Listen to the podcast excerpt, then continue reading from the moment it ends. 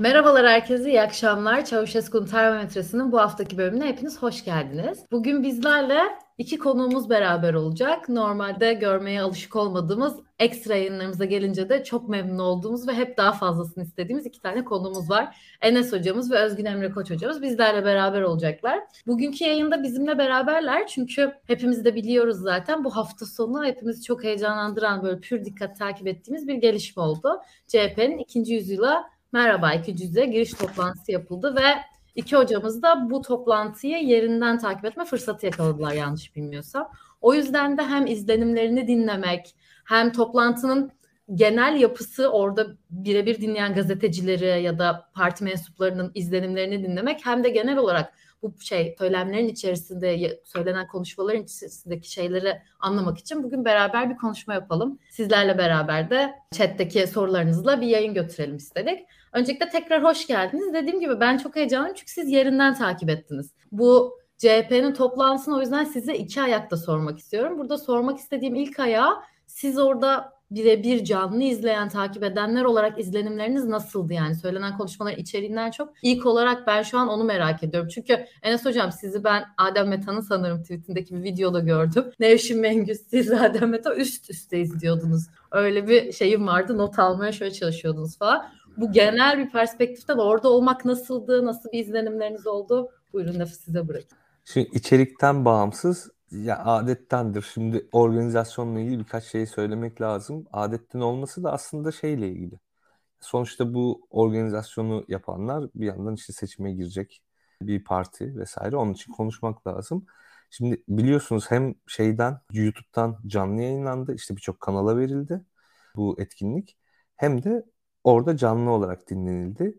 Canlı dinleme performansı benim açımdan iyi değildi. Çünkü ya iyi organize edilememiş, biraz karmaşa olmuş. Mesela işte davet maili atmışlar birçok insanlara ki ben de onlardan biriyim. Sonra ismimizi bulamadılar davet listesinde. E bir yandan aslında partililere de haber vermişler veya partililer bir şekilde kendileri dahil olmuşlar sürece.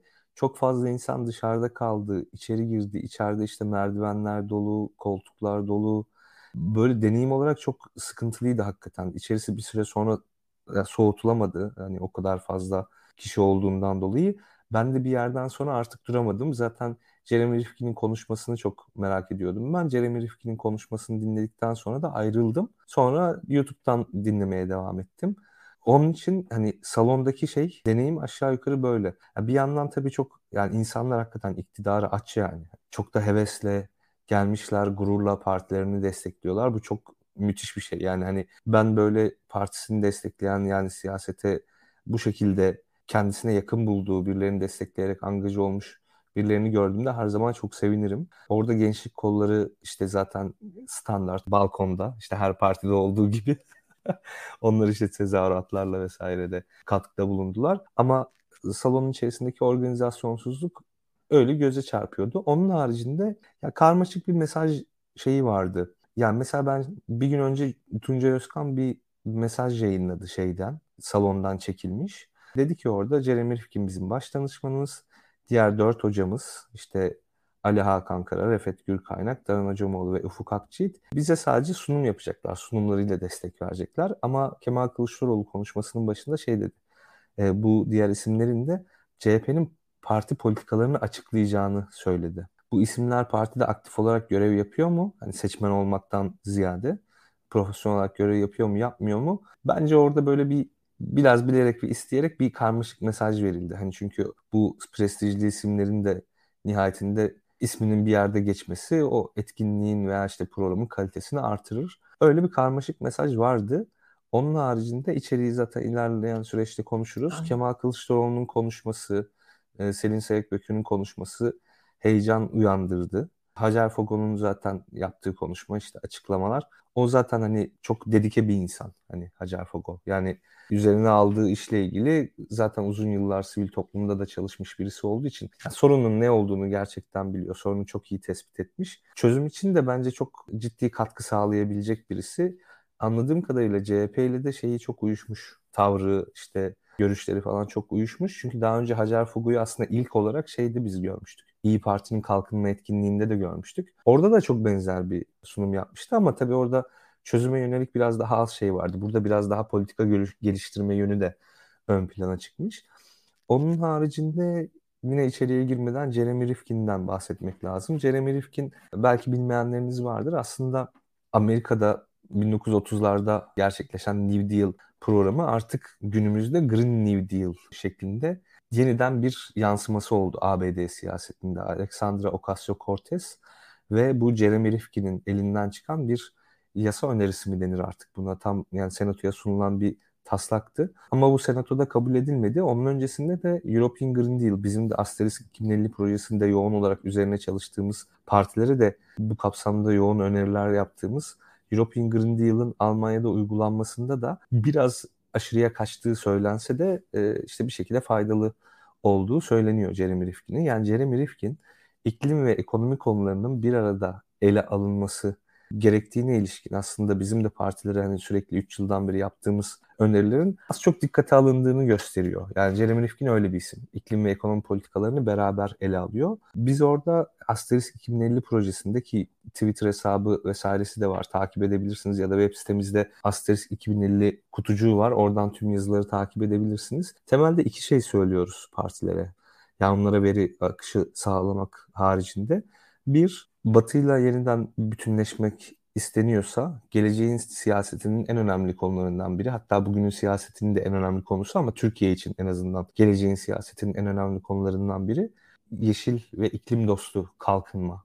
Bu Avrupa İklim Mutabakatı da aslında bunu öngörüyor. Avrupa İklim Mutabakatı iklim konularından çıkan ama çoğunlukla ekonomik sonuçları olan bir anlaşma. Ve o anlaşma Avrupa'yı diğer aslında bölgelerden diğer bölgelere karşı bir cephe oluşturmasını sağlayan bir anlaşma.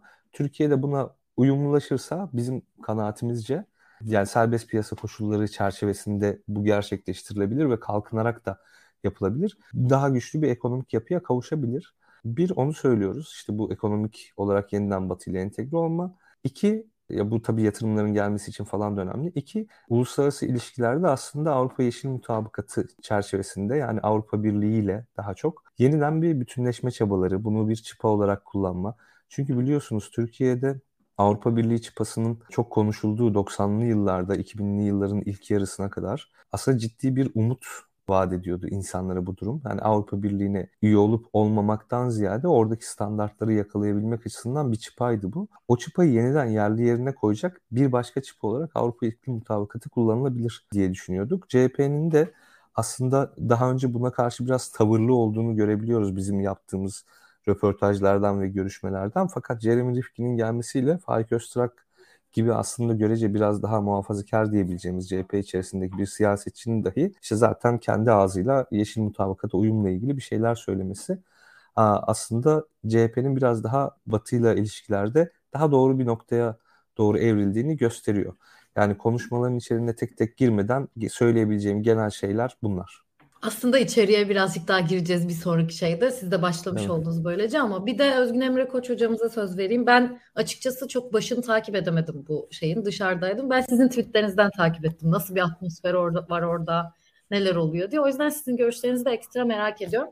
Size bu soruyu sorarken bir de şeyleri salondaki genel atmosfer gerçekten iktidara özlem ya da insanların buna inancı bakış açısından bir şey eklemek isterseniz onu da dinlemeyi çok isterim açıkçası. Şimdi ben şöyle gireyim. Zaten ilk karşılaştığım şey de Enes'le aynıydı. Biz Enes'le buluşmak üzere gittik salona. İçeride haberleşiriz, buluşuruz dedik.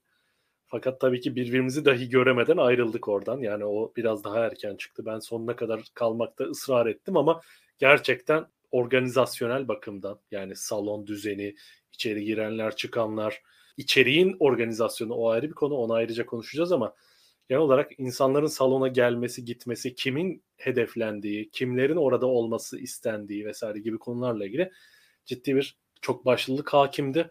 Davetliler mi katılacaktı, belli bir kitleye mi? Yani şimdi sonuçta orası 1700 kişilik bir salon. Ne yazık ki 1700 kişilik bir salonda biz salona yaklaşık 10 bin kişinin geldiğini gördük. Belki daha fazla bilemiyorum. Benim gözlemim oydu. Yani binlerce kişi geldi. Bir kısmı içeri girdi. Zaten bir kısmı, önemli bir kısmı girmedi. Dışarıda kaldılar. İçeri girmek için özel çaba sarf etmek gerekiyordu. Basın bölümünden girdi Enes. Onlar ayrıca işte Nevşin'le birlikte basın bölümündeydiler. Ben davetli olarak gireceğimi düşünüyordum. Fakat ben konferans saati geldiğinde bankoya gittim davetli kartımı almak için. E, kapılar açıldı. Herkes girebilir dediler birden. Tamam peki girelim dedim. Fakat giremedim. Uzun bir süre uğraştım girmek için. İnsanlar birbirini eziyor. Çok büyük bir heyecan var. Talep ediyor insanlar. Merak ediyor. Çünkü bunun bir iktidar kalkışması olduğunu aslında bir iktidarı yürüyüşü olduğunu kafalarında konumlandırıyorlar. Böyle anlamlandırıyorlar bu işi. Hakta veriyorum bu heyecana. Fakat ne yazık ki buralarda bir belirsizlik söz konusuydu. Şimdi bunu şu yüzden anlattım. Bu kadar ayrıntılı bir şekilde. Şu çerçeveye bağlayacağım bunu. Şimdi bu etkinlik bir vizyon belgesi altında bir kampanya startı mıydı? Ve bu kampanya bir adaylık startı mıydı? Adaylık çalışmasının startı mıydı? Aslında adaylık çalışması bir süredir devam ediyor Kemal, Kemal Kılıçdaroğlu'nun. Bunu artık e, adını koyalım yani bunu tartışmaya gerek yok. Bir adaylık startı, bir kampanya startı mıydı? Yoksa uzmanlara dönük bir Türkiye'nin sorunları neler? Buna ilişkin bizim teknokrat birikimimiz, uzman birikimimiz ne söylüyor? Bunu tartışacağımız, belki de hatta soru cevapların olacağı falan daha kapılı bir etkinlik miydi? Şimdi burada bir kararsız kalınmış kararsız kalındığı için de önce bir kapalı etkinlik gibi tasarlanmış. Sonrasında son günlerde benim öğrendiğim kadarıyla parti tüm üyelere çağrı yapıp oraya salonu davet etmiş. Öyle olunca toplantının içeriği de organizasyonu da eklektik bir hal aldı. Girişte heyecanlı bir başlangıç, yüksek bir iktidar talebiyle, iktidar sloganlarıyla salon inledi. Gençlik örgütleri oradaydı. Farklı ilçelerden hatta farklı illerden gelen gençlik örgütleri oradaydı. İktidar sloganlarıyla salonu coşturdular. Büyük bir talep, büyük bir heyecan, bir başlangıç izlenim orada yaratılmaya çalışıldı. Sonrasında program başladı. Kemal Kılıçdaroğlu bir sunum yaptı. Kısa ve dedi ki ben esas sunumumu sona saklıyorum. Hadi başlayalım dedi. Başladık. Birden o başta yaratılan heyecan, kalabalık, kalabalık salon, insanlar izdiham halinde birbirini eziyor. Büyük bir CHP açısından önümüzdeki seçim süreciyle ilgili bir eşik olduğu anlaşılıyor. Öyle bir zaten atmosfer yaratılmıştı uzun bir süredir şu sosyal medyadan, çeşitli mecralardan CHP 3 Aralık'ı bekleyin, 3 Aralık'ı bekleyin diye sürekli çağrı yapıyordu. Kemal Kılıçdaroğlu keza öyle. Şimdi siz kamuya açık, halka açık böyle bir büyük bir kampanya çağrısı yapıp arkasından da hadi bakalım program başladı deyip Amerika'dan bir uzmanın ki önemli bir uzman anlattığı şeyler de son derece önemli. Fakat İngilizce sunum yaptığı salondaki çoğunluğun çok küçük bir kesime çeviri yapılmış duyduğum öğrenebildiğim kadarıyla salondaki çoğunluğun çeviriyle çeviriden mahrum kaldığı yani oraya gelen insanların önemli bir kısmı İngilizce takip edebilecek durumda değildi muhtemelen.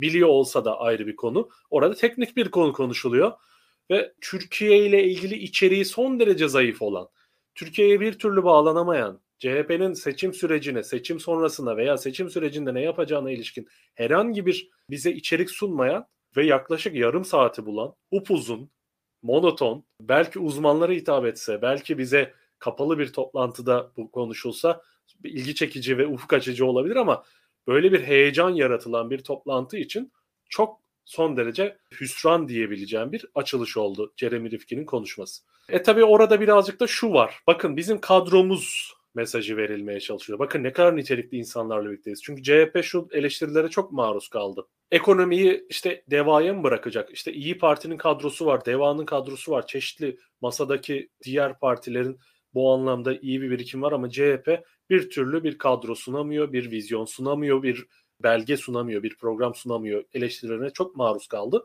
Buna da bir cevaptı aslında. Buna da bir cevap verilmeye çalışılıyordu. Bakın bizim de nitelikli kadrolarımız var. Biz çağırınca gelen, bizimle birlikte hareket eden, sorunları tespit eden ve bu sorunların çözümünde bize yardımcı olacağını bu toplantıya katılarak beyan eden, resmi olarak organik olarak bağlı olsun olmasın. Böyle bir ekiple birlikte çalışabiliyoruz. Böyle bir organizasyonel kapasitemiz var bakın bunlarla hareket edeceğiz mesajı ver, verilmek isteniyordu anlıyorum. Fakat bu mesajı vermek için siz böyle bir kampanya startı şeklinde insanlara vaat ettiğiniz, tanımladığınız toplantının ortasına son derece teknik mesajlarla yüklü, son derece ağır ve son derece insanların dikkat süresini aşan sunumlar yaptırmanız. Üstelik bu sunumların toplantı dışında, toplantı salonu dışında kişiler tarafından yapılması ciddi bir organizasyonel aslında şeyinde bence buradaki plansızlığın, bir sorunun göstergesi. Şimdi bu plansızlık bize bazı bence ipuçları da veriyor. Şu yüzden ipuçları veriyor. Bu CHP açısından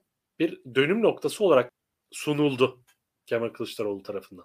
Şimdi böyle bir dönüm noktasını sizin çok iyi planlamanız gerekiyor. Hiçbir şey kusursuz olmaz, hatasız olmaz. Elbette bir de Türkiye'de insanlara yaptığınız işi beğendirmeniz çok zordur. Fakat şu da bir hakikat ki siz böylesine kritik bir dönemde Türkiye'nin siyasete, heyecana, liderliğe, motivasyona ihtiyacı olduğu, muhalefetin böyle bir motivasyona ihtiyacı olduğu dönemde yaptığınız işi gerçekten layıkıyla yapmanız çok büyük bir oradan enerji çıkarıp o enerjiyi, o potansiyel enerjiyi kinetiğe dönüştürüp sahada örgütlerinize, muhalefete, genel olarak topluma yayabilmeniz gerekiyor. Şimdi burada eksikler eksikler olduğu için önümüzdeki sürece ilişkinde bazı soru işaretleri oluşturuyor ne yazık ki. Ne yazık ki diyorum çünkü CHP'nin içerisindeki örgütsel problemler sadece buradaki bu toplantıya ilişkin değil yani sadece CHP ile ilgili de değil. Altılı masaya ilişkinde zaten uzun süredir tartışa geldiğimiz ciddi çekişmeler, gerilimler, bir takım kamplaşmalar olduğunu görüyoruz. Kendi işlerinde yaşadıkları fikir ayrılıkları bir süredir, son birkaç aydır ciddi şekilde kamuoyuna da yansıyor. İşte bununla birleştirip üstüne bir de böyle bir organizasyonel sıkıntılarla, eksiklerle, kusurlarla sürece başlayınca, kampanya başlangıcı tabiri caizse yapılınca burada insanlarda bazı motivasyonel düşüklükler oluştu. Ama şu bu şunu bunu şuraya bağlamak istemiyorum. Aa bu iş kötü başladı, kötü gider demek istemiyorum. Çünkü her şey son 2-3 haftada, bir ayda belli olur en fazla. Bakın başörtüsü meselesiyle ilgili de çok ciddi eleştiriler geldi CHP'ye. Nasıl bu gündemde alakasız bir şekilde böyle bir tartışma başlattınız? Buna gerek var mıydı diye çok ağır eleştiriler geldi. Fakat Türkiye'de gündem o kadar hareketli ve o kadar akışkan ki bir iki hafta sonra kimse artık bu Erdoğan bile bıraktı bunu konuşmayı. Ha, bunlar işte şey dedi temel hak ve özgürlükler referanduma gitmez zaten filan dedi. Kendi işlerinde çünkü başka pazarlıklar yaptılar. Konuyu kapattılar geçtiler. Türkiye'de gündem o kadar canlı ki evet buradan tek başına bir karamsar tablo çıkarmak doğru olmaz. Ama ne yazık ki bunu örgütleyecek, bu süreci örgütleyecek olan insanların da buradan bir ders alması, bir öz eleştiri yapması kendilerine buradaki insanların toplumdan gelen eleştirilerin birer uyarı olarak değerlendirilmesi, kendileri tarafından değerlendirilmesi gerektiği kanaatindeyim. İçeriye geçmeden öyle bir organizasyona ilişkin bir saptama yapmış olayım.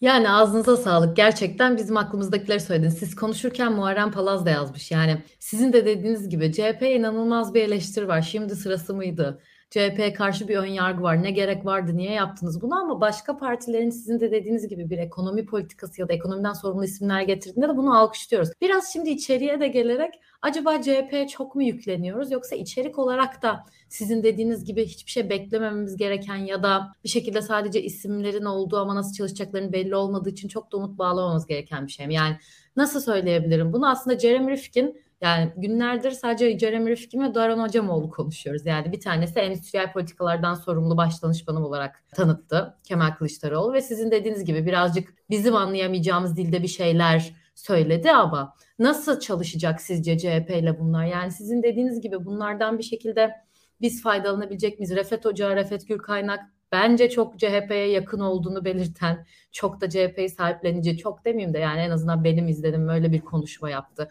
Öbür tarafta Hacer Foggo sizin de dediğiniz gibi çok iyi bir sinerji yakalamış. Ben ilk defa onu da söyleyeyim Daktilo yayınlarında dinlemiştim kendisini ve her dinlediğimde ağlıyordum. Her anlattığı şeyde ağlıyordum. Ve öyle bir isimle beraber çalışması bence çok güzel sosyal politikalar alanında.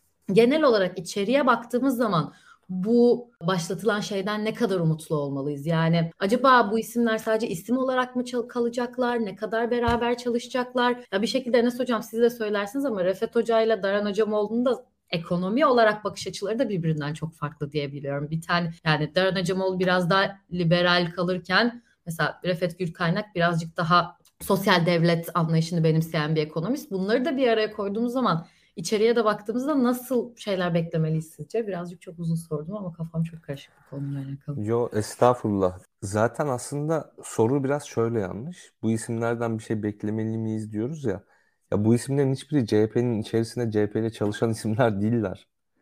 Yani hatta Olmayacaklar mı ama? Aslında Evet. bu biz CHP ile beraber çalışacağız toplantısı değil miydi o zaman bu? Hayır değil işte. Ben de zaten onu diyorum. Bak biz bile daha net anlaşamıyoruz. Yani şey değil. Çünkü bunu özellikle böyle karmaşık bir şekilde mesaj veriyorlar. Bir tweet atmıştım ben Recep onu gösterirse iyi olur. Ya şimdi bu isimler akademik olarak çok güçlü isimler. Büyük ihtimal Ufuk Akçiğit ile Devem Hocamoğlu da işte Türkiye'den ekonomi Nobel'i alacak şey insanlardan biri. Yani o işe namzet en önemli adaylar. Yani Türkiye'den ekonomi belirli en önemli adaylar. Yani bu içerik açısından inanılmaz akademik bir toplantı. Tamam mı? Yani Hacer Fogo'nun, Selin Seyitböke'nin ve Faik Öztürk'ün konuşmaları hariç. Ki Selin Hoca'nın ve Hacer Hanım'ın konuşmalarının bir kısmı da öyleydi. Ama içerik olarak akademik olan bir şey yani bir siyasi toplantıydı aslında. Bu sefer de ne oluyor? Aslında akademisyenlerin siz titrini ve işte saygınlığını kullanarak bir siyasi kazanım mı elde etmeye çalışıyorsunuz? Böyle bir şeye dönüyor. İşte zaten bir yandan bana o zaman da kızmışlardı da bu ABD'ye yaptığı gezi vardı ya Sayın Kılıçdaroğlu'nun. O gezide de benzer bir durum vardı. Yani şöyle önemli isimle görüştük, böyle önemli isimle görüştük. Şu konuda şununla görüştük, bu konuda bununla. Yani aslında söylediği konuların hepsi işte ODTÜ'ye, Bilkent'e, Koç'a, Sabancı'ya, İstanbul Üniversitesi'ne, Marmara'ya falan ya da işte diğer üniversitelerimize gidin. Çok benzer uzmanlıklarda insanlar görebilirsiniz. Böyle çok uç noktalardaki şeyler hariç. Yani mesela Daran Hocamoğlu hakikaten çok başka bir seviyede. Ufuk Akçiğit öyle.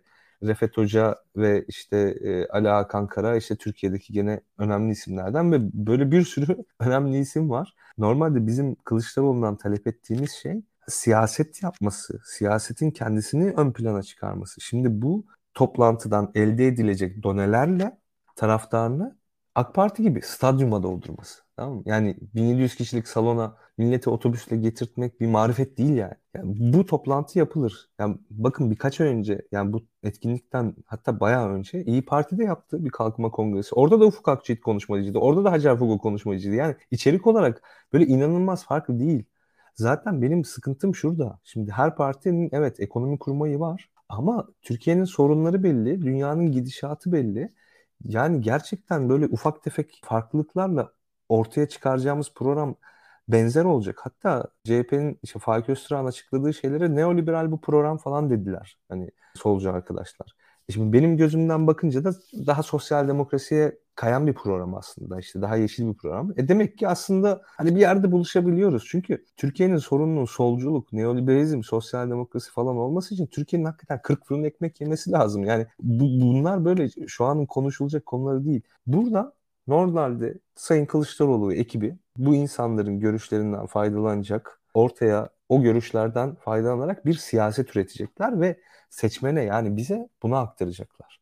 Ben bunu bekliyorum Sayın Kılıçdaroğlu'ndan. Yani buradaki isimlerin akademik titirlerini veya işte onların ünlerini kullanarak bir siyasi şov yapmasını beklemiyorum. Siyasetin ta kendisini yapmasını bekliyorum. Bunu yapabileceğini de biliyorum ama neden böyle bir e, yani bunu yapabileceğini de gördük yani. Sayın Kılıçdaroğlu şey değil ki. Yani AK Parti propagandasının şey yaptığı gibi SGK'yı batıran adam değil.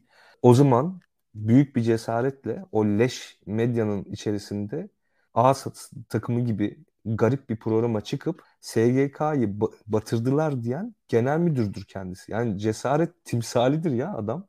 Adam SGK'nın başındayken benim başımdaki iktidar SGK'yı batırdı dedi. Yani beni görevden alırlar mı? Benim başıma bir iş getirirler mi falan diye düşünmedi. Yani adam zaten yani dürüst ve cesaret abidesi. Biz yeniden aslında o Kılıçdaroğlu'nu istiyoruz. Ama sürekli bir siyasetsizlik. Vay efendim ben birleştiriciyim, uzlaştırmacıyım, şucuyum, bucuyum. Hani yani böyle hani kendini bir Bilgehan'ın bir yazısı vardı böyle siyaseti peygamber çağırmak diye. Hani kendisini böyle hatasız işte çeşitli hatalardan münezzeh tamam mı? Hani öyle doğruyu bilen ve onu e, işte herkese emreden ve bir şekilde o herkesin de siyaset yapmasını sağlayan bir üst figür olarak konumlandırıyor. Yani siyasette özellikle Türkiye gibi böyle gelişmekte olan ve e, sosyal açıdan karmaşık ülkelerde hele bir de böyle bir kutuplaşma varsa bunun bir anlamı yok. Seçmenin beklediği şeyin bu olduğunu hiç sanmıyorum. Salon ve CHP'liler bundan çok heyecan duyabilir. Çünkü herkes, her kurum, her kişi Dan gibi bir isimle yan yana anılmak ister. Ufuk Akçiğit gibi bir isimle yan yana anılmak ister. Refet Gürkayık, Ali Hakan Kara bunlarla yan yana anılmak ister. Ama benim için değerli olan bu insanların konuşmaları değil siyaset. anlamında. Benim için değerli olan Selin Sayık Böke'nin konuşması. Zaten Selin Sayık Böke de aşağı yukarı o ayarda bir insan. Bıraktı cübbesini astı işte akademisyen cübbesini. Geldi çatır çatır siyaset yapıyor. Hatası olur, eksiği olur, yanlışı olur. Bunlar mesele değil. Yani anlaşmazlık falan filan olur. Ama siyaset yapılacaksa siyasetçi olması lazım insanların ve gerçekten siyaset yapması lazım. Kılıçdaroğlu'nun da böyle bir şey yapmasını bekliyoruz ama Kılıçdaroğlu sürekli bir sahiplenen baba tavrıyla hem altılı masayı hem kendi partisini böyle kullanıyor. Kendisini başka bir yere konumluyor. İşte Selin Sayıkböke işte heyecanlı konuşma yapsın. Deneyimli bürokrat ve dürüst insan Faik Öztürk bilmem ne yapsın. İsmi süper akademisyenler konuşma yapsın. İşte yurt dışından genius uzman tuttuk diyelim falan. Hani böyle bir şey yani bu bu şirket de yönetilmez böyle, dernek de yönetilmez, hiçbir şey de yönetilmez. Kaldı ki bu gibi hamlelerle Türkiye'yi yönetmeye talip olmak bana garip geliyor. Bu siyasetin kendisi değil. Ya onu da sonda soracağım bugünkü meclis konuşmasını. Bence Kılıçdaroğlu'nun kafasını da biz çok karıştırdık. Yani genel olarak Twitter dünyası mı sokak olduğunu sanmıyorum ama bir noktada sahiplenici vardı ama sen bir masaya yumruğunu vuran lider ol dedik. Bugün gerçekten masaya yumruğunu vurdu. Onun da o gidişatını da sormak istiyorum size ama Özgün Hocam size şey yapmadan konuşmayı da ya Enes Hocam aslında çok fazla şey yaptı. Siyasi partiler doğası gereği çok fazla akademisyenle istişare ederler, görüşürler ve gerçekten kendi politikalarını oluştururken de bu isimlerle konuşurlar. Aslında bu buluşmada her zaman yapılan bir akademisyenlerle istişare etme, Türkiye durum, şey, durumunu analiz etme, sonrasında da belki çözüm önerileri getirme kapsamında bir şeydi. Yani bu insanlar aslında CHP'nin politikalarının oluşumunda şu andakinden çok da fazla yer almayacaklar gibi anladım onun konuşmalarından. Siz bu konu hakkında ne düşünürsünüz? Bizim bir vatandaş olarak bu insanların konuşmasından, bu önemli akademisyenlerin konuşmasından ne beklememiz gerekir? Next step'te ne görmeliyiz? Valla vatandaş olarak akademisyenlerin, orada sunum yapan ekonomistlerin ki her biri her biri istisnasız her biri dünya çapında isimler gerçekten de öyle. Her biri Türkiye'nin ekonomisinin başına getirilse her biri başarılı olacak isimler. Yani şu ankinden zaten fersah fersah önde olacak isimler. Buna şüphe yok. Fakat mesele bizim insan kaynağımızla ilgili sorunumuz yok. Mesele şu. Evet insan kaynağımız var. Türkiye'nin insan kaynağı kaliteli bir insan kaynağı var. Bir kısmını gerçekten işte yurt dışına kaybettik ama bu insanlar hala zihniyle, ruhuyla Türkiye'de yaşamaya devam ediyor. Türkiye için dertlenmeye devam ediyor. Bizim sorunumuz kaynak insan kaynağına sahip olmamamız değil. Sorunumuz bu insan kaynağını verimli hale getirebilmek, kullanabilmek. Yani Türkiye mesela güneşlenme süresi çok yüksek bir ülke, bir coğrafya. Bunu güneş enerjisine tahvil edebilmek, güneş enerjisine yararlanabilmek için bir altyapı kurmamıza ihtiyaç var değil mi? Bu altyapıyı kurabilmek için aa bakın bizim ne kadar çok güneşimiz var dememiz yetmiyor. Bu altyapıyı kuracak hamleleri yapmamız gerekiyor. Bunun için de yani iktidara gelmek, iktidarı elde tutmak, devleti yönetebilmek, bu kadroları doğru şekilde doğru yerlerde kullanabilmek gerekiyor. Bizim önce bu siyasetteki bu açığı kapatmamız, bu mesafeyi almamız gerekiyor. Şimdi evet CHP'nin bunu anlatmaya ihtiyacı vardı belki. Bakın bizim de böyle bir birikimimiz var, böyle bir insan kaynağımız var demeye ihtiyacı vardı. Bunu anlatmaya ihtiyacı vardı ama CHP'nin 3 Aralık vizyon belgesi lansmanı ile ilgili anlatması gereken, esas olarak anlatması gereken ve yapması gereken Nasıl iktidara geleceğiz? Bunun için nasıl rasyonel yöntemlerimiz var? Vatandaşın Hakan Kara'nın anlattıklarından, Refet Gürkaynak'ın anlattıklarına yani o toplantı özelinde diyorum bir şey anlaması beklenemez. Bir çıkarımda bulunmasına gerek yok. Aa ne kadar bu insanlar işin ehli insanlarmış der birçoğu. Yani Türkiye'nin ezici çoğunluğu bu konudaki uzman olmayan insanlar. Bakar aa işin ehli insanlarmış. Bunlar bir şeyler anlatıyor bir kısmını anlıyor belki anlayamıyor vesaire. Çünkü teknik şeyler de var işin içinde. E, anlamasına da gerek yok zaten herkesin bunları yani neden bir insanın mak- Türkiye e, fa- toplam faktör verimliliğini bilmesi gereksin makro ihtiyati programları bilmem bunları bilmesine gerek yok Türkiye'de çok vatandaşın ortalama bir vatandaş. Buradan o yüzden bir şey çıkarması gerek ve vatandaşın çıkarması gereken veya vatandaşa sunulması gereken şuydu. Biz bir iktidar yürüyüşüne başlıyoruz madem böyle bir iddiamız var. Bununla ilgili siyasetlerimiz neler? Bununla ilgili neler yapacağız? Somut olarak eğer Kılıçdaroğlu'nun kendisi ki birazcık bu iş öyle tasarlanmış adını koyalım. Kılıçdaroğlu'nun adaylığı ile ilgili zaten uzun süredir bir beklentisi olduğu ve buna yönelik çalışmaları olduğu belli ve bu toplantıda ona göre dizayn edilmiş bir toplantıydı. Madem böyle bir hedef var, O zaman bunun gereğini yerine getirmek gerekiyor. Enes'in eleştirisine orada çok katılıyorum. Yani bir akil adama ihtiyacı yok Türkiye'nin. Yani akil adama pratik olarak ihtiyacı var ama siyaset yapmak için, iktidara gelmek için akil adam olmaya ihtiyaç yok. Akil adamlar, haklılar, çok nitelikli insanlar, çok doğruyu söyleyen insanlar, hakikati anlatan insanlar kendinden iktidara gelmiyor.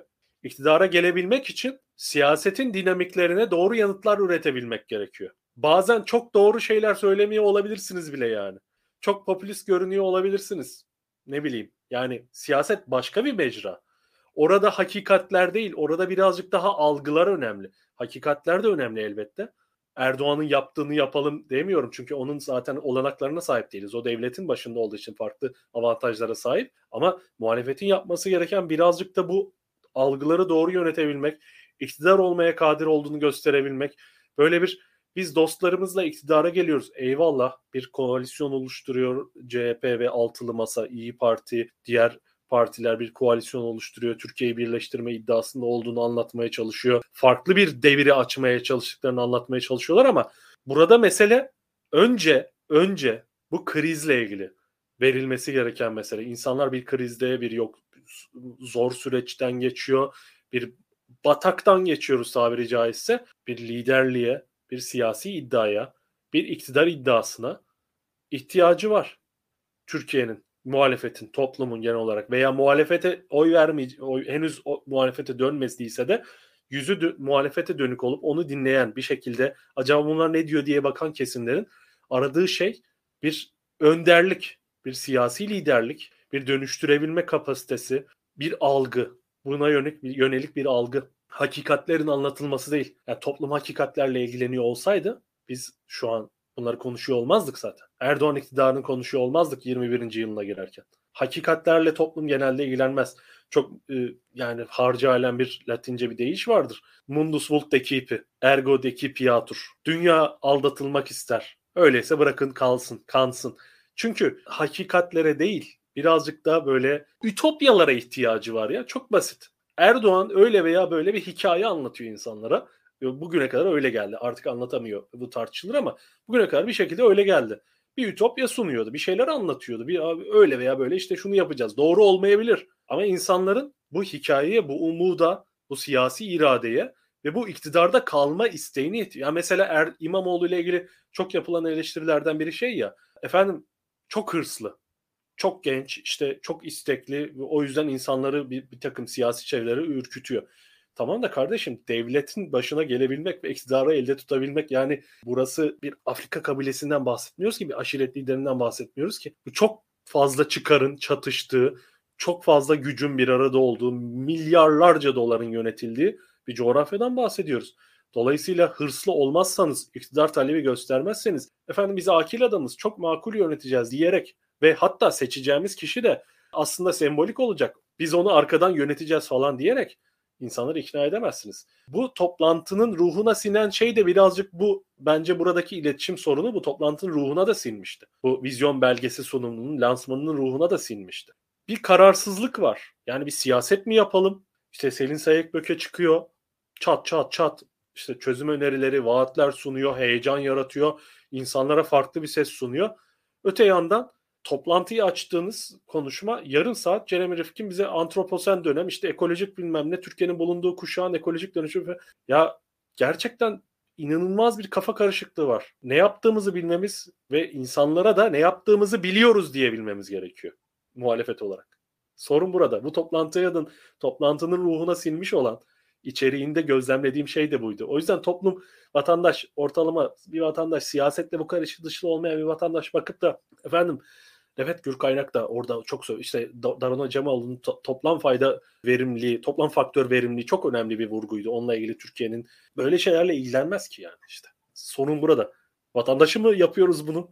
Uzmanlara mı yapıyoruz? Neyi hedefliyoruz? Bu bir e, adaylık toplantısı mı? Gerçekten e, seçim kampanyası mı başlatıyoruz? Ne yapıyoruz? Bir kafa karışıklığı var ve bu kafa karışıklığının ardında da işte az önce bahsettiğim siyaseti nasıl yapmamız gerektiği. Yani şöyle bir durum var. Hem İzmir hem cam, hem cam kenarı olsun istiyoruz ama öyle bir dönemde değiliz yani. Şu an seçimler yapmamız gereken dönemdeyiz. Türkiye için kritikte eşiklere gittiğimiz bir dönemdeyiz. Bu toplantı birazcık şeytanla avukatlığı yaptım. Biraz fazlaca eleştirdim. Farkındayım. Ama birilerinin bunları söylemesi gerekiyor. Ben de böyle düşünüyorum. Tabii ki de olumlu yanları var. Bunları da konuşuruz ayrıca. Ya hemen bir şey ekleyeyim aslında Özgün Emre'nin söylediğine. Ya benim yüksek lisans tezim finans merkezlerinin rekabetçiliği üzerine. Tamam mı? Ben 2015'te Türkiye'de aslında bu toplam faktör verimliliği düştüğü için ev yapımı krizi diye Business Week'te yazı yazdım ve kaç tane daha yazı yazdım bu konu üzerine. Yani hiçbiriniz beni o zaman tanıdınız mı yani? Çünkü kardeşim böyle çok uzmanlara hitap eden falan böyle bir şeylerdi.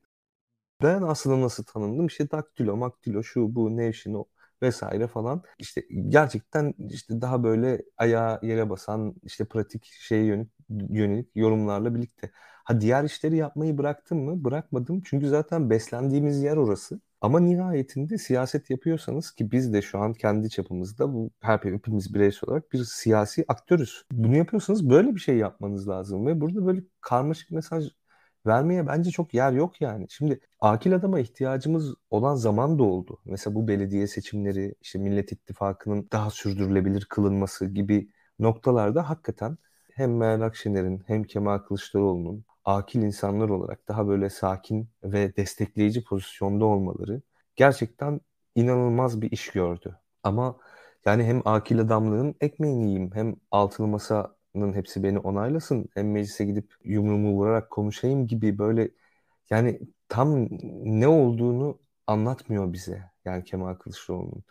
Yani Kemal Kılıçdaroğlu siyaset yapacaksa gerekirse altılı masayı da karşısına alacak. Gerekirse işte bu uzmanların hepsinden görüşleri tek tek toplayacak ve kendisi yoğurup anlatacak. Bir şeyler yapacak. Ha şimdi ihtiyacımız olan şey böyle muhalefetin birbiri içerisinde çatışması değil.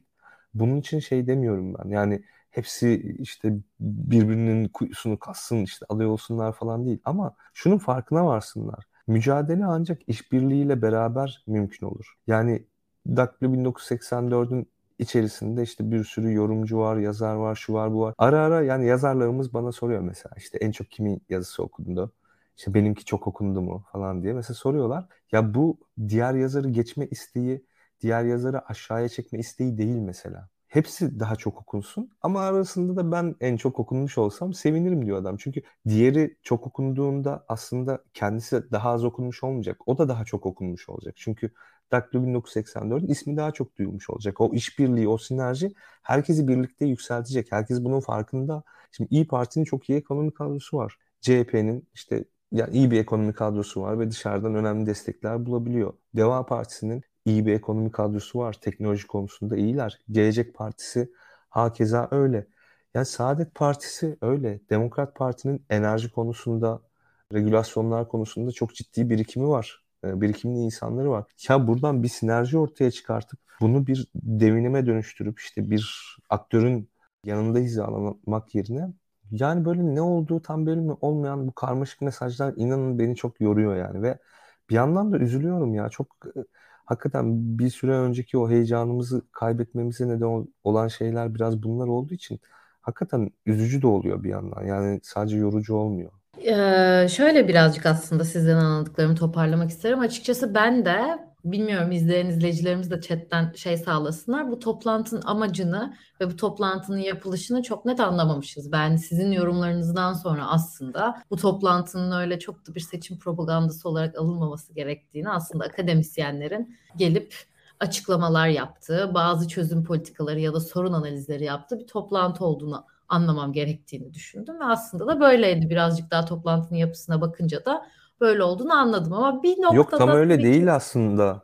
Yani çünkü Selin Sayık Böke'nin, Hacer Fogun'un ve Faik Öztürk'ün konuşmaları tam da öyle değildi. Yani onun için diyorum karmaşık diye. Yani her şey birden var. Anladın mı? Orada bir karmaşa var. Yani Kemal Kılıçdaroğlu'nun hem akil adam olması, olmak istemesi hem de masaya yumruğunu vurması gibi bir şey. Yani hem çok uzman görüşü içeren teknik şeyler var.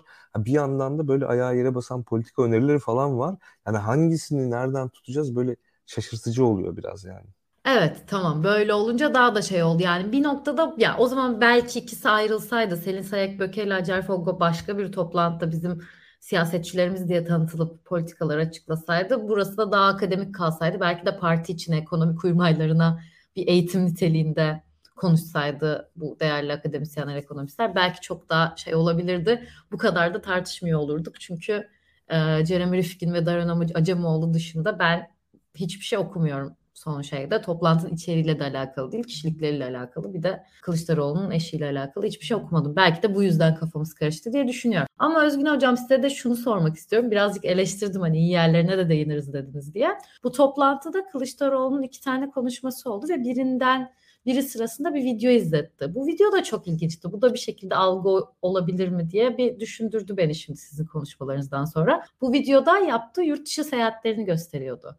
Bu yurt dışı seyahatlerinden sonra da aslında Türkiye'ye fon alacağını, 150 milyon dolarlık fonun sanırım yanlış hatırlamıyorsam tekrar kontrol edeyim kendisine. Çevre yatırımlarından ve temiz yatırımlardan geleceğini, ondan sonra 75 milyon dolarlık başka bir fon alacağını falan söyledi. Bunlardan ne beklememiz gerekiyor? Bunlar herhalde politika kısmında kalan şeylerdi ama bunları nasıl yorumlamalıyız ya da sonda dediği bütün borçları alacağım 5 çeteden gibi daha politik konuşmaları vardı. Bunları nasıl yorumlamak gerekiyor? Biraz hani çok akil adam kişiliğinden bahsetti Enes Hoca ama artık sert olmaya başladı. Benim Kılıçdaroğlu'ndan alışık olmadığım sertlikte bir sertlik görüyoruz. Bugünkü meclis konuşmasında da gördük. Bunları genel olarak nasıl yorumlamak gerekiyor sizce? Şimdi bugün konuşmayla ilgili hemen bir dipnot vereyim. Kılıçdaroğlu bütçe konuşmalarında hep böyle.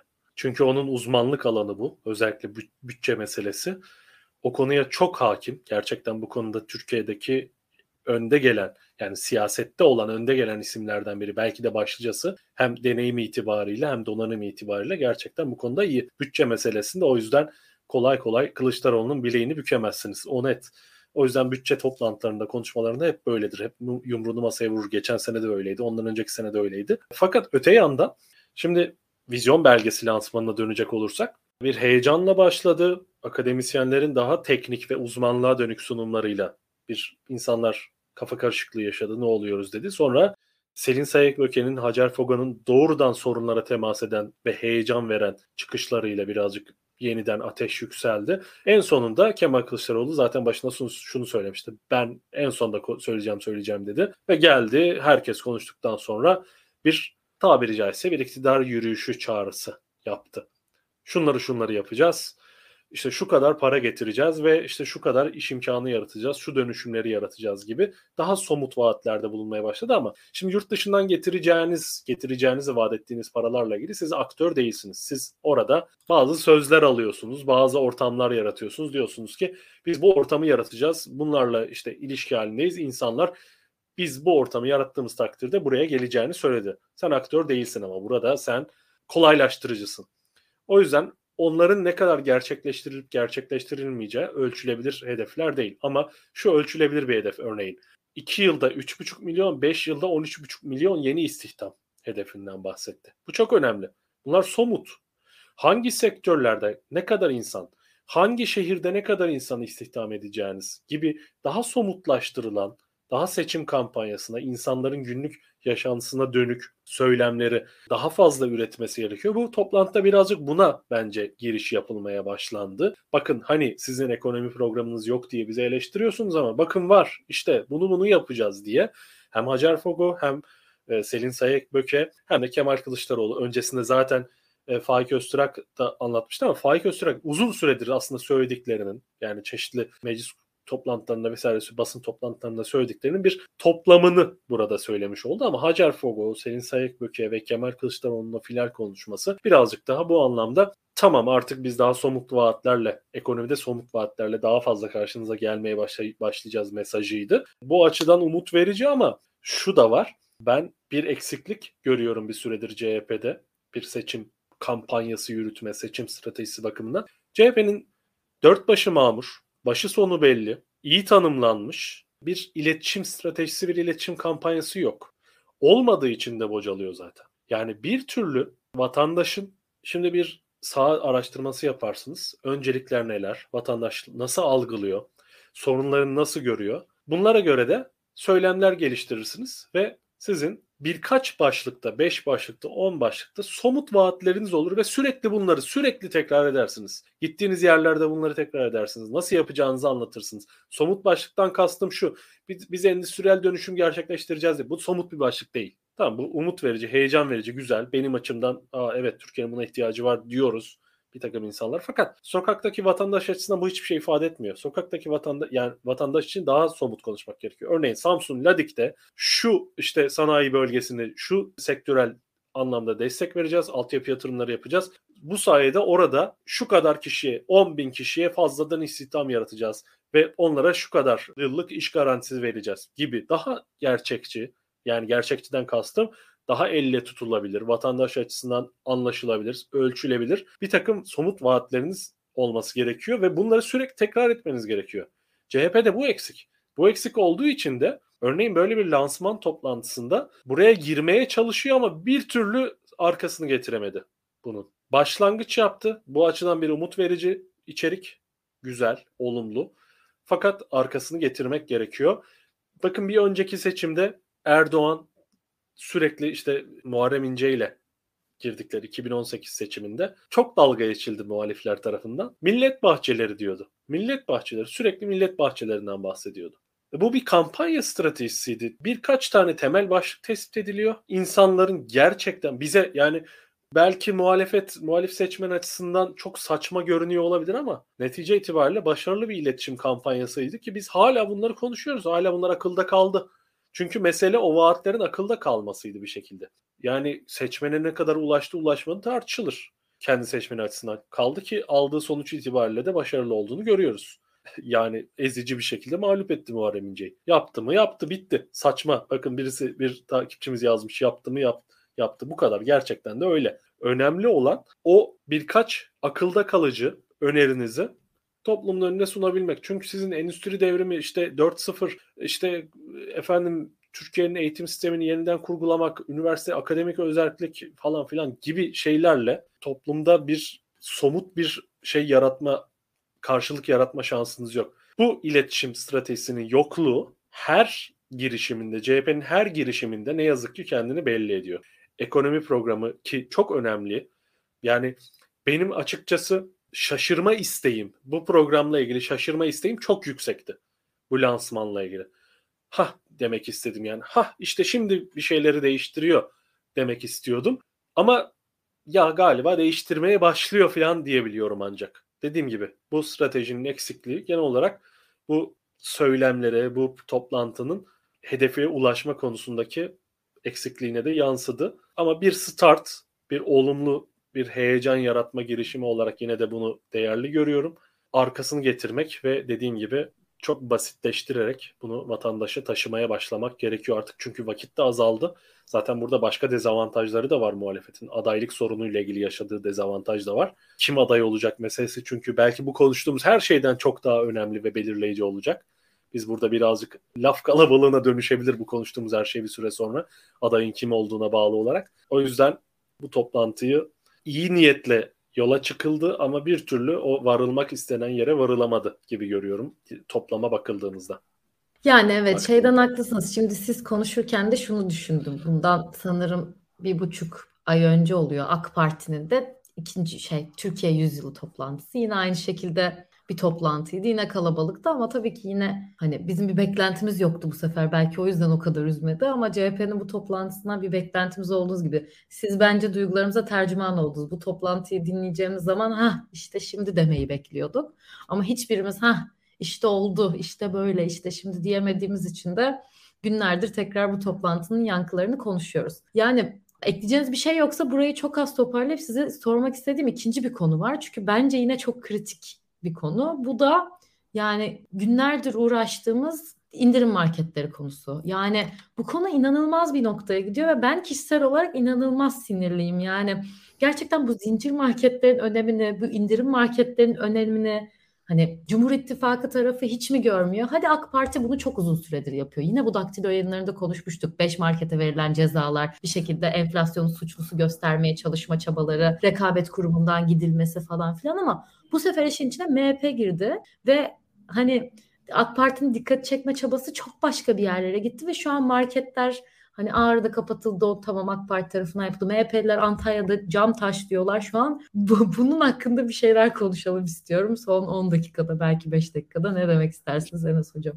Allah esirgesin bu işler hakikaten çok tehlikeli ve sürekli şunu görüyoruz biz işte enflasyonun suçlusu marketler, faizin suçlusu bankalar, ne bileyim dövizin artmasının suçlusu ihracatçılar falan gibi yani sürekli bir kesime çok yükleniliyor. Yani vurun abalıya yapılıyor sürekli bir kesime. İşte Merkez Bankası dolar elde etmek için önce ihracatçının dövizini almaya başladı. Sonra turizmcinin. Hani birisi az bir kafasını kaldırmasın. Birisi azıcık kafasını kaldırınca hemen tepesine çökülüyor. Bunun bu arada devamı da gelir. Yarın bir gün işte büyük işte alışveriş siteleriyle ilgili bir şeyler çıkar. Ondan sonra ne bileyim başka türlü bir şeyler çıkar. Yani başka bir sektörle ilgili bir şeyler. Yani sürekli bir şeyler çıkar. Sonuçta bu adamlar artık ellerinde bir hikaye falan filan olmadığı için e, sadece dikotomi yaratmak üzerinden yani bir ikilik yaratıp e, onun üzerinden bir söylem oluşturmayı düşünüyorlar sürekli. Yani sürekli kutuplaştırma üzerinden. Şimdi bu market meselesi de kutuplaştırmanın unsuru. Ve tutup hani kimse bu marketlere falan sahip de çıkamıyor. Ya şimdi sahip çıksan sermayenin yanında mısın diyecekler. Ya bir yandan da sahip çıksam bu adamlar zaten bir yandan da AK Partili yani. BİM'dir, işte A101'dir, ŞOK'tur vesaire. AK Partili ama AK Partili de değil gibi böyle Davutoğlu'yla işte ne bileyim Bekir Bozdağ karışımı bir şey falan. Hani böyle gayet amorf, biçimsiz. Şimdi öyle olunca hani için içinde tarikat var, cemaat var, sermaye var, İslamcılık var, kutuplaşma var. Çok karmaşık bir mevzu. Onun için vuruyor AK Parti. Bunların hepsine vuruyor. Kafalarına deli gibi vuruyor. Bak yarın bir gün ceza falan filan da keserler. Kayyum gerekirse kayyum da atamaya çalışırlar. Yapmaya çalışırlar. Ha, bence iş o noktalara doğru gidemeyecek. Çünkü bunların hepsinin hakikaten çok güçlü yabancı ortakları var. Yani çok büyük olay yani bu borsaya kote şirketler vesaire. Ama mesela 15 Temmuz'dan sonra şeyi hatırlayın işte Boydak'ın başına geleni hatırlayın. Adamların suçlu olup olmamasından hariç çok rahat adamların tüm şirketlerini aldılar. Boydak Holding adını Anadolu Erciyes Holding yaptılar. Aynı şirketler yine devam ediyor. Borsada mı? Borsada. Şurada mı? İşte mağazaları mı kapandı? Yok. Hani işletmeleri mi durdu? Yok. Ya sonuçta bunlar çok büyük şirketler olduğu için neredeyse devletler gibi. Hani kendileri zaten yürüyor. Yani iş yürüyor. Yani orada bir patronun değişikliğiyle çok bir değişim olmuyor. Yani bir girişim sermayesi gerekmiyor bunlara. Ne bileyim işte çok zeki yöneticiler falan gerekmiyor bazen. Zaten sistem kendi içerisinde yürüdüğü için işi o noktaya bile vardırabilirler kurumların kendisine çok zarar verdir vermeden. Tabi isterlerse. Ama kayyum atadıkları kurumlara falan bakıyoruz. O kurumların içini boşaltıyorlar. Tabi bunlar başka mevzu. Yani ben de çok sinirleniyorum. Yani özellikle hani bununla nasıl baş edebiliriz konusu gündeme geldiğinde yani elimizde şey yok, araç yok. Yani bu adamlar slogan atıyor. Tamam karşılığında sen ne slogan atacaksın? Yani slogan atıyor. Sen böyle uzun uzun açıklama yapman lazım tamam? Hani şey gibi. Enflasyonu düşürdük diyor mesela. Yani hatta diyecek önümüzdeki aylarda bakın enflasyonda düşmeye başladı diyecek. Ama enflasyonu düşürdük derken fiyatlar düşmeye başladı demek istiyor. Onu ima ediyor. Çünkü enflasyon tam anlaşılamıyor ülkede enflasyonun ne olduğu. Enflasyon deyince insanların aklına fiyat artışı geliyor. Enflasyon düşünce sanki fiyatlar düşüyormuş gibi böyle bir intiba yaratmak istiyorlar. E şimdi bunun karşısında senin anlatman lazım tamam mı? Ya enflasyon öyle bir şey değil, şöyle hesaplanır, böyle olur bilmem ne falan filan. Yani elinde böyle araç kalmıyor ama siyasetin tabii meziyeti bu konuda söylem geliştirmek. Yani bunu yani şey olarak deyip geçemeyiz. Yani buradaki bu sorun tespitlerini mesela biz yapıyoruz ya siyasetçiler de aynısını yapıp geçemez. Yani onların belli bir mücadele stratejisi, işte iletişim stratejisi, şusu busu olması lazım. Ve ben eğer bu BİM şok vesaire falan gibi konularda biraz daha ileri gidilirse dediğim gibi sıranın başka sektörlere, başka kurumlara kendilerinin yüksek kar olmasa bile yüksek müşteriye sahip, yüksek etkiye sahip diğer kurumlara da bu olayların tevessül edeceğini düşünüyorum. Yani özellikle dediğim gibi hedef göstermek gibi olmasın ama benim tahminim hakikaten bu işte büyük internet siteleriyle ilgili. Şimdi ya da şeylerle ilgili online alışveriş, online E-ticaret sipariş. yasasıyla onu şey yaptılar hocam zaten. E-ticaret yasası inanılmaz o online ticaretlerin elini Evet kısıtlayan tam da onu diyecektim. Hem orada kısıtlayıcı var ama onu bir aksiyona dönüştürme konusunda da yani çünkü şunu şuradan çıkıyor iş. İşte her köşe başında bu üç harflerden var. Tamam? Bu adamlar her köşe başında olmasa yüzde dört değil yüzde dört yüzde kar etse başlarına bu gelmezdi. Popüler bir imge olduğu için o popüler imgeye saldırıyor. Her şimdi her sokakta işte vızır vızır sipariş şeyleri gidiyor. Motosikletleri gidiyor. Tamam mı? Yani herkesin artık gözünün önünde ve tüm taşra, büyükşehir her yere bunlar artık dükkan açmış vaziyetteler. Bir sonraki hedef yani yine bir popüler imge olarak onlar olabilir. Yani çünkü gerçekten kafa böyle çalışıyor. Popüler bir imge mi var? Saldıralım, ikilik yaratalım, dikotomi yaratalım, oradan oy devşirelim. Bunun karşısında işte muhalefetin elinde araçlar yok. Hani ben bizim elimizde derken muhalefetten bahsediyorum. Ya yanında dursan hakikaten sermaye savunuyor musun? Ya sermaye mi savunuyorsun? Öyle bir pozisyona geçiliyor ki yani muhalefetin ekseriyeti öyle hani solcu yani CHP vesaire bu, bu konularda biraz elleri dar. İşin içinde başka şeyler olmasa hani BİM'in falan filan da yanında durur da enteresan. Ha bir de Hüsnü Bey'in söylediği şey var. Mesela ben bunu çok duyardım. Ben sonuçta işte bir İç Anadolu şehrinde büyüdüm ve görece milliyetçi muhafazakar diyebileceğimiz bir yer. Ya devletle kavga olmaz lafı var mesela tamam mı? ya halbuki medeniyet hani böyle devletle veya kendini devlet yerine koyan kurumlarla kavgadan dolayı gelişmiş bir şeydir yani. Hani bunların uğruna savaşlar yani özgürlükler, haklar için savaşlar, işte kavgalar vesaire ve medeniyet, teknoloji, işte iletişim, küresel bunların hepsi aslında bu kavganın sonucu. Ama mesela böyle bir şey var. Devletle kavga olmaz, devletle kavga edilmez. Çünkü her zaman devlet işte üzerine düşeni yapar. Hani imha, neydi ya? İh, imhal eder ama ihmal etmez derler mesela. İmha, yani biraz böyle geciktirir ama hani onu da bir ara işini görür yani mutlaka ihmal etmez. Ona da sıra gelir. Bu ama şu durumda geçerli. İktidardaysa birisi. Yani iktidarı kazanmak işte bunun panzehiri. Panzehiri bu işin. Yani demek ki bizim aslında yapmamız gereken şey şu seçimi kazanmak. Yani seçimi kazanmak bir tek bu işin çözümü. Çünkü Türkiye'de ve Türkiye gibi diğer benzer ülkelerde hakikaten devlet aygıtına sahip olan bir şekilde yolunu bulur ve senin tepene çökmek için çeşitli araçları çok etkin bir şekilde kullanır. Bir zamanlar hakikaten AK Parti'nin kitlesinin belli bir kısmı böyleydi. İşte çok sıkıntılar çekildi. İşte bu başörtüsü mevzusu vesaire falan bu konuda mesela hiç haksız değiller yani. O kadar sıkıntılar çekildi hepimizin gözü önünde. Şimdi kendileri iktidar olunca o araçları çok daha efektif şekilde kullanmaya başladılar. Demek ki aslında bu durumlara biraz daha karşı çıkabilmek için iktidar olmak gerekiyor. Başka da bir çözüm yolu yok yani. Bunu böyle söyleyerek, konuşarak falan düzeltemeyeceğiz yani. Bu çok belli yani.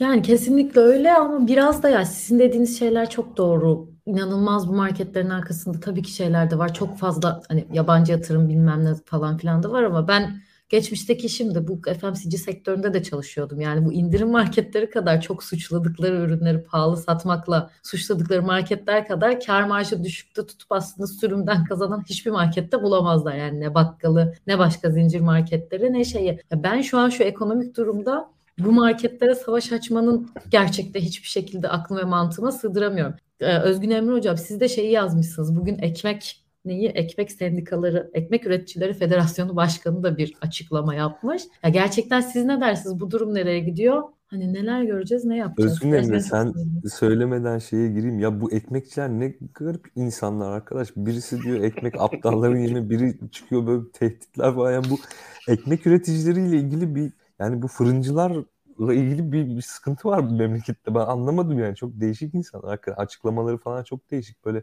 aklı başında bir açıklama böyle sakin işte aklı selim açıklamalar yapan insanlar sanki biraz daha az gibi özellikle fırıncıların içerisinde. Çok değişik bir durum. Yani ardarda arda gelmesi çok garip. Ya bir şekilde platform bulan birileri Türkiye'de hani etrafında birkaç yüz kişi varsa bir platform bulduysa bir şeyin herhangi bir derneğin veya bir federasyonun bir meslek örgütünün başındaysa hemen birden ahkam kesmeye birilerini tehdit etmeye baş. Hele ki şeyse iktidara yakınsa tamam işte yani böyle fırsat bulunca biz de birazcık şey yapalım kendimizi gösterelim falan diye konuşuyor. Bugün konuşan şahsa ben herhangi bir dükkanımın anahtarını teslim etmem yani öyle bir şahıs nasıl federasyon başkanı olmuş nasıl. Bir yandan da şeye kapılıyorum yani Türkiye'de Türk gençliği okuyor, ediyor, didiniyor, bir şeyler yapıyor, kendini yetiştiriyor. Bir master sahibi, doktora sahibi bir sürü insan aç geziyor. Yani iki cümleyi bir araya getiremeyen, mafyacılık oynamaya çalışan bu insanlar milyonlarla oynuyor. Gerçekten çok Bir yandan da insanın morali bozuluyor, siniri bozuluyor gerçekten bu adaletsizlik karşısında. Yine kabahat bizde. Onu da söyleyelim. Kabahat yine bizde ki bu meydan bunlara kalmış durumda. BİM ve işte bu 3 3 harfliler denilen işte ucuzluk marketleriyle ilgili söylem meselesi. Ya AKP buldu yine bir, bir bir bir hedef buldu, bir tartışma noktası buldu, bir düşman buldu. Ona yükleniyor. Oraya bir şekilde tartışmayı oraya kilitleyerek yani öncekinde ne vardı hatırlayacaksınız 2018 seçimlerinden önceydi zannedersem tanzim satış meselesi ortaya çıkmıştı. İşte depocular vardı, stokçular vardı. Birileri soğanları ve patatesleri bir yerlerde tutan bir Illuminati örgütü vardı. Birden onlara yönelik çok büyük operasyonlar yapıldı ve Türkiye soğan ve patatese boğuldu birden. Tanzim satış çadırları kuruldu şehir merkezlerinde falan. Böyle bir karanlık hikayeler, komplolar üzerinden ya bize çok saçma görünüyor olabilir ama bu, bu satın alınıyor. Bu satın alındığı için bunu yapıyor zaten. Ya küçümsemeyelim bunu. Bunun gerçeklikte bir karşılığı var. Toplumda bir karşılığı var. Ne yazık ki var ya. Ne yazık ki var. Bu bir hakikat ve bu şu çok basit bir değişimiz var. Ya bu deveyi güdeceksin ya bu diyardan gideceksin. Kardeşim bu oyun böyle oynanıyor ne yazık ki. Ve biz bu oyunun böyle oynandığını bilmediğimiz için 21 yıldır kaybediyoruz. Hatta sadece 21 yılda da değil. Yani bu işin öncüleri var. Demireller, Özallar falan da bu işe böyle oynuyordu. Türkiye'de bu böyle yapılıyor. Ve yani küçümsememek gerekiyor ve bir şekilde somut orada bir düşman tespit ediyor. Çünkü neden? En yoksul kesimlerin alışveriş yaptığı yer hakikatle, fiyatlarla, enflasyonla, ekonomi gerçeğiyle, ülke yönetimiyle muhatap olduğu yer Üç harfli market. Ya pazarlara gidiyor. Pazarda fiyat neden yüksek? Çünkü stokçular var. Fethullahçıların, FETÖ'cülerin stok operasyonu nedeniyle pazarda fiyatlar yüksek. Üç harflere gidiyor. Üç harflerde neden yüksek? İşte orada da onlar bir takım işte fırsatçılar ve fiyat arttırmaya çalışan şeyler var. Gizli örgütler var. Onlar nedeniyle yüksek. E tamam abi yani vatandaşın hakikatle, ekonomiyle, enflasyonla, gerçek krizle muhatap olduğu yerlerle ilgili sorunu düşmanları tespit ettin. Orada stokçular ve pazarcılar, işte komisyoncular, aracılar. Öbür tarafta da üç harfli marketler. Tamam bunlarla karşı mücadele etmek için de ne yapacağız? İktidara AKP'ye oy vereceğiz, güçlendireceğiz ki tekrar bunların tepesine binsin bu sorunu çözsün. Mesele bu kadar basit. Gerçekten bu tutuyor yani. Yapacak bir şey yok bizim yapmamız gereken şey efendim o aslında tam olarak öyle değil. Onların da işte doğalgaz maliyeti, elektriği, şusu busu nakliyeler arttığı için ona yansıtıyor. O enflasyon gerçekte yüzde seksen değil de yüzde elli, yüz elli falan. Bunu anlatmaya gerek yok. Bu, bunun alıcısı da olmayacak. Kendi ajanda, ajandasını muhalefetin, kendi gündemini ortaya koyup bu zırvalıklara zırvalıkları sürüp sürüp atması gerekiyor toplumun gündeminden. Nasıl Meral Akşener süt şişesini gösterdiği an yayın kesildi. Mesele o işte. Mesele gerçekten o. Meral Akşener süt şişesini gösterip yani toplumun, vatandaşın gerçeklikle, hakikatle muhatap olduğu, temas ettiği yere dokunduğu an yayın kesildi. Muhalefetin kendi gündemini oluşturabilmesi gerekiyor. Hakikat bekçiliği yapmaya, peygamberlik yapmaya gerek yok. İnsanları hakikate, hak yola davet etmeye gerek yok. Biz doğruyu söyleyelim, biz haklı olalım, işte eğri belasını bulur falan. Böyle olmuyor ne yazık ki. Eğri belasını bulmuyor. Senin haklı olman hiçbir şey değiştirmiyor siyasette. Siyasette güçlü olmak ve insanlarla bağ kurabilmek meseleyi değiştiriyor, değiştirebiliyor. Bu yüzden üç harfler meselesinde de ben böyle bakmak gerektiği kanaatindeyim. AKP buldu orada bir yol. İktidar orada burada bir yol buldu. Oradan devam edecek. Belki seçime kadar bunu devam ettirir. Belki başka zenginleştirir, başka hedefler bulur. Belki bunlara çökmeye çalışır. Yani yapmayacağı şey değil. Bu iktidardan beklenmeyecek bir şey değil. O yüzden konuya böyle bakmak gerekiyor. Efendim onlar da öyle değil. Bir savunmayalım yani. Enes'in söylediği doğru. Ne yazık ki orada yani bunları mı savunur duruma düşeceğiz? Çünkü bunlar zaten bu iktidar sayesinde var olabildi, güçlendi. Ha, doğruyu savunma açısından evet savunalım çünkü buradaki sorumluluk onlara ait değil. Onlar bir şekilde topluma ucuz hizmet ve mal sağlayan, bir şekilde ticari faaliyet yürüterek para kazanan insanlar şu an teknik olarak baktığımızda böyle. Ben yani ben hani onları savunmayalım savunmayalım demiyorum. Yani ben savunuyorum. Yo, biliyorum çünkü... kastettiği şeyi anladım. Siyaseten, söylemsel olarak kastediyorsun evet, sen bunu. Siyaseten savunulamaz. Yoksa ya, gönüllü mübadele ne güzel işte. Alan evet, var, satan var. Öyle. Adam ucuza, ucuza veriyor. mal sağlıyor işte yani. Kapat bakalım ne oluyor. Millet aç kalır yani. E tabii bir yandan hani sorunlar da olabilir. Tamam bakkalların işini kesiyordur, manavların işini kesiyordur. E onlar da başka iş yapar. Şu olur bu olur ve aslında o kadar iş kesme durumu falan filan da yok yani. Şimdi o o eskinin alışkanlığıyla bunlar söyleniyor da öyle bir şey de yok yani esasen. Onunla ilgili araştırmalar falan filan da var. Şimdi İlkan yazmış diyorum onu gördüm işte sarı site. Ya bir arada bu araba fiyatları yükseliyor. Neden yükseliyor? Sarı sitede işte çok yüksek fiyattan araba koyuyorlar. Hani, hani sahibinden komu şey yapıyorlardı. Ya araba fiyatları niye yükseliyor kardeşim? İşte çünkü ya her arabanın vergisi %80 ÖTV üzerine bir de işte KDV, ÖTV'li fiyattan KDV binmiş. Ondan yükseliyor ya. Yani dünyada bir artıyorsa sende iki buçuk artıyor. Dolardan yiyorsun zammı, vergiden yiyorsun zammı. E bir de zaten ürünün kendisi zamlanıyor. Yani Amerika'daki adama zam %8 olarak yansıyorsa sana %50'yi geçiyor o zam. %10 olarak yansıyor sana %70'lere varan zam oluyor. E, biraz doların artışı durmasaydı bu zamlar %100'lere, 150'lere falan filan gidecekti. Yani bu, bu hani şeye gelemiyoruz. Yani bunu nasıl rasyonel düşünelim de bu sebep sonuç ilişkisi vesaire üzerine düşünelim falan değil. Ya sarı site dediğin bazı insanların hayatı tamam mı? Adam o siteden araba bakarak gününü gün ya gününü öyle geçiriyor ya. Yani o siteden araba bakıyor adam. E şimdi sen bu adama diyemezsin. Adam orada çünkü o adam için gösterge orası. Tamam mı?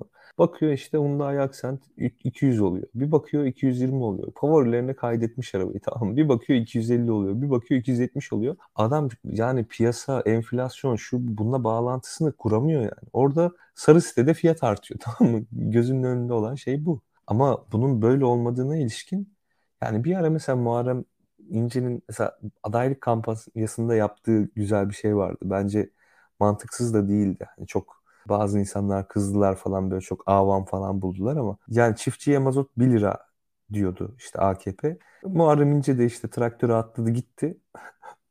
mazot aldı. Tamam normal mazot parası verdi. Fişini gösterdi. Dedi ki aa hiç 1 lira olduğu falan filan yok. Çünkü abi o mazotun 1 liraya gelmesi için sen onu götürüyorsun, veriyorsun. Oradan sana teşvik veriyorlar, iade yapıyorlar falan. Yani o süreci atladı ve dedi ki piş burada ve 1 lira değil. Yani. Ben şey demiyorum işte yok şark kurnazlığı yapalım bilmem ne insanlar karmaşık olayları işte şöyle anlamaz böyle anlamaz değil. Yani birçok insan birçok şeyi anlar. Ama adam hangi birine anlasın, hangi birine vakit yetiştirsin? Yani biz bizim gibi insanlar biraz bizim izleyicilerimiz de öyle ya çok politizeyiz tamam mı? Hani biz birçok şeyi takip edip işte yorumlayabiliyoruz ya. Ya insanlar normal bir hayat istiyor ya. Depolitik yani olmak istiyor. Adam bu kadar politikanın içinde değil. Normal abi ben işime gideyim, geleyim, işte şirketimi kurayım, vergimi vereyim ama tepeme de çullanmasınlar falan. Hani normal ya insanların istediği şey bu. Sen gideyim, bu adama ailemi ziyaret edeyim. Bu yani evet. gerçekten. Ya, sen bu adama istediğim oydu. Evet Süt abi. şişesiyle muhatap olduğu yer, siyasetle muhatap olduğu yer işte. Hay, adama iklimi mi anlatacaksın, bütçeyi mi anlatacaksın, enflasyon, mazot falan. Ya onun yerine ya Özgün Emre'nin şey söylediği şey hakikaten önemliydi. Mesela yerel siyaset iyice öldü bitti ya artık. Ya normalde bir yerel kampanya tasarlanmaz mı kardeşim? Yani bir Zonguldak'a özel kampanya tasarlanmaz mı? Ne bileyim Çankırı'ya özel flyer'lar, broşürler bilmem ne yapılmaz mı? Oranın sorunları şey. Ya ben gidiyorum böyle Anadolu şehirlerine falan. İleride de daha sık gideceğiz. E, hatta bir Birleşmiş Milletler projesinde kadınların siyaset siyasi birikimlerinin artırılması için bir gönüllülük çalışması falan da yürütüyoruz. Özgün Emre de var içinde. Yani daha çok ziyaret edeceğiz, daha çok gideceğiz. Yok, yok yani yok. Yerelde siyaseti bitirmişler. Halbuki siyasetin en büyüğü de yerelde döner. Bu diğer makroekonomik veya makro siyasi konular biraz böyle hakikaten bizim gündemimiz. Yani yerele böyle biraz indirmek lazım şu işi artık. Ya yani siyasal iletişim onu siz dediğinizde diyecektim. Bence Türkiye'deki en büyük eksiklik çektiğimiz şeylerden biri siyasal iletişim ve siyasal iletişim yani siyasal iletişim yapan partiler. Gerçekten sizin dediğiniz gibi biraz buna odaklanma zamanı geldi gibi hissediyorum. Ya çok keyifli bir yayın oldu. Bir saatte bayağı aşmışız. Bir saat 15 dakika olmuş. Aslında sizi yakalamışken bugün enflasyon açıklandı. Aylardan beri konuştuğumuz baz etkisini bu ay görmeye başladık sanırım ama esas onu önümüzdeki ay sizi tekrar konuk edelim. Bunu çok derin ve uzun uzun konuştuğumuz bir yayın yaparız muhtemelen. Çünkü aylardır beklediğimiz baz etkisi geldi ve şu an herkes enflasyonun nasıl düştüğünü konuşuyorsun Ya, biraz önce bugün bugün zaten şeydi ya Emrah Lafçı da yazmış. Ya tüm ekonomistler matematik anlatmaya çalışıyor tamam mı? Baz etkisi. Her programda ekonomistler böyle temel matematik, aritmetik anlatmaya çalışıyor. Baz etkisi nedir? işte neden olur? Bir önceki ay şöyleydi de bu ay böyleydi. e, Şöyle oldu, böyle oldu falan filan derken mecburen böyle insanlar orada şey oldu. Garip bir duruma girdi. Ya ben bunu engellemek için biraz böyle muhalefete de şeyi öneriyorum. Hatta onu da açıklıyorum. Bu e, başkanın enflasyonu veya başkanın enflasyonu veya başkanlık dönemi enflasyonu gibi bir he- hesaplama yapıyorum. İşte başkanlık dönemindeki endekslerle, endeks değerleriyle bugünkü endeks değerlerini karşılaştırıyorum. İşte enflasyon ne olmuş diye bakıyorum. Diyorum ki artık yıllık bakmayın. Bizim için baz neresi? Baz etkisi dediğimiz şey baz aldığın yerle ilgili. Şimdi geçen yılın aynı aynı baz aldığın için orada geçen yılın aynı ayında bu yılın ayındaki enflasyondan daha yüksek bir enflasyon varsa baz etkisi enflasyonun düşüşüne olumlu yansıyor. Ama bizim bazımız başkanlık döneminin başladığı zaman olan 2018 Temmuz olmalı. 2018 Temmuz'dan beri TÜİK'e göre bile %210 enflasyon var. Yani başkanlık dönemine başlarken Sayın Erdoğan dedi ki verin kardeşinize şu yetkiyi. Enflasyonla faizle nasıl uğraşılırmış göreceksiniz dedi. Yani TÜİK'e göre %210, İTO'nun İstanbul Ücretliler Geçinme Endeksine göre %257, Kuzey Kıbrıs Türk Cumhuriyeti orada da Türk lirası kullanıldığı için bir benchmark olsun diye koydum. Orada enflasyon %295. Diskin açlık sınırına göre hesapladığımızda %344. Türk İş'in açlık sınırına göre hesapladığımızda %347 enflasyon var. Yani bir insan 100 liraya aç kalıyorken Erdoğan başkan olduğunda şimdi 447 liraya aç kalabiliyor ancak. Yani aç kalmanın bile şeyi maliyeti artmış. Şimdi benim de tavsiyem muhalefetin baz olarak öyle geçtiğimiz yılı falan değil, yıllık enflasyon falan değil. Bayağı bildiğin Erdoğan'ın ilk döneminden kardeşim son başkanlığın son gününe kadarki enflasyonu hesaplamaları. Çünkü bizim için artık devir budur, dönem budur. Bunu böyle ekonomik olarak aman şöyle oluyor, böyle oluyor falan filan diye anlatmaya gerek yok. Çatır çatır hakikaten şöyle oldu, bakın böyle arttı, şöyle arttı diye bunlardan bahsetmek lazım. Diğer türlü gene böyle laf kalabalığına getirip anladın mı? Hani enflasyonu da düşürüyoruz falan diyecek. En azından bu böyle biraz bana etkili bir yöntem gibi geldi. Onun için ben de böyle bir tablo oluşturuyorum her enflasyon açıklandığında. Ya somut somut malzemelerin, tüketim malzemelerinin, ürünlerin, gıdaların, acil ihtiyaçların fiyatları nasıl değişiyor? Nasıl değişmiş? Bunları göstermek daha makul bence vatandaşa.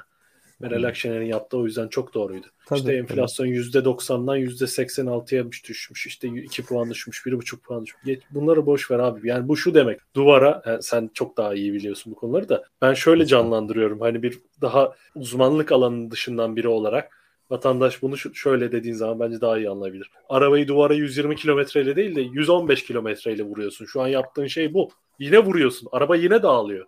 Ölme şansın yine, ölme ihtimali yine çok yüksek. O yüzden bunu nasıl anlatmak gerekiyor?